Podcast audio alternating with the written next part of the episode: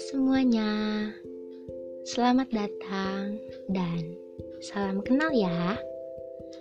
Terima kasih karena kamu sudah mau jadi teman ceritaku.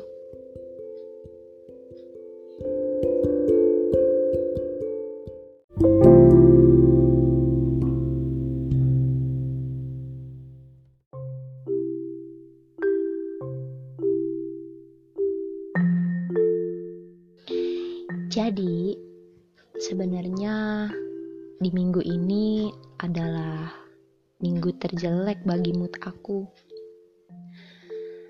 Hmm, setiap perkataan yang gak enak bikin aku kesel sendiri.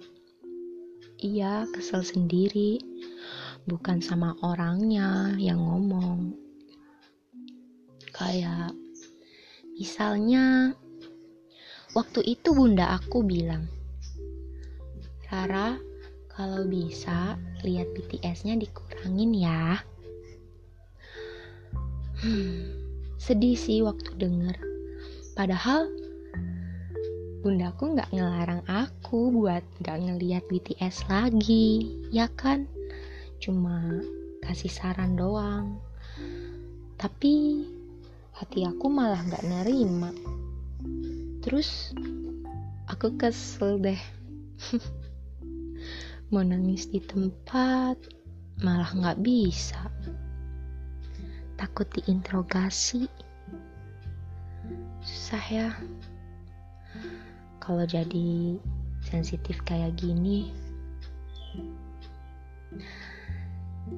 itu adalah segelintir kejadian yang sepele yang bikin mood aku jelek banget dalam sekejap. Bahkan ada satu cerita lagi. Waktu itu ada orang misalnya yang bilang, misal ya, tapi kayaknya ada deh. Tapi waktu itu aku biasa aja moodnya, lagi tidak jelek. Ada orang yang bilang, kalau aku gak cantik. Terus suasana aku lagi jelek nih. Langsung deh, aku bukan marah-marah lagi ke orang yang ngomong. Tapi aku langsung diemin dia. Terus jadi insecure sendiri. Dan jelek lagi deh moodnya.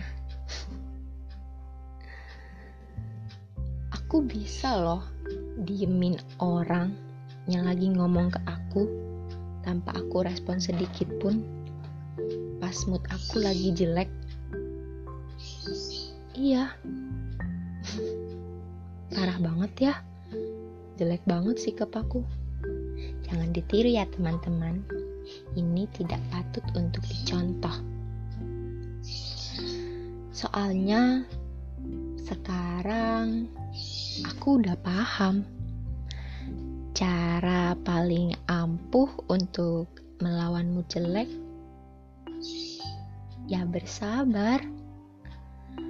Cerita ke teman kalau punya temen kalau nggak punya juga nggak apa-apa bisa nangis sendiri. Atau cerita dengan diri sendiri kayak aku ini nggak apa-apa.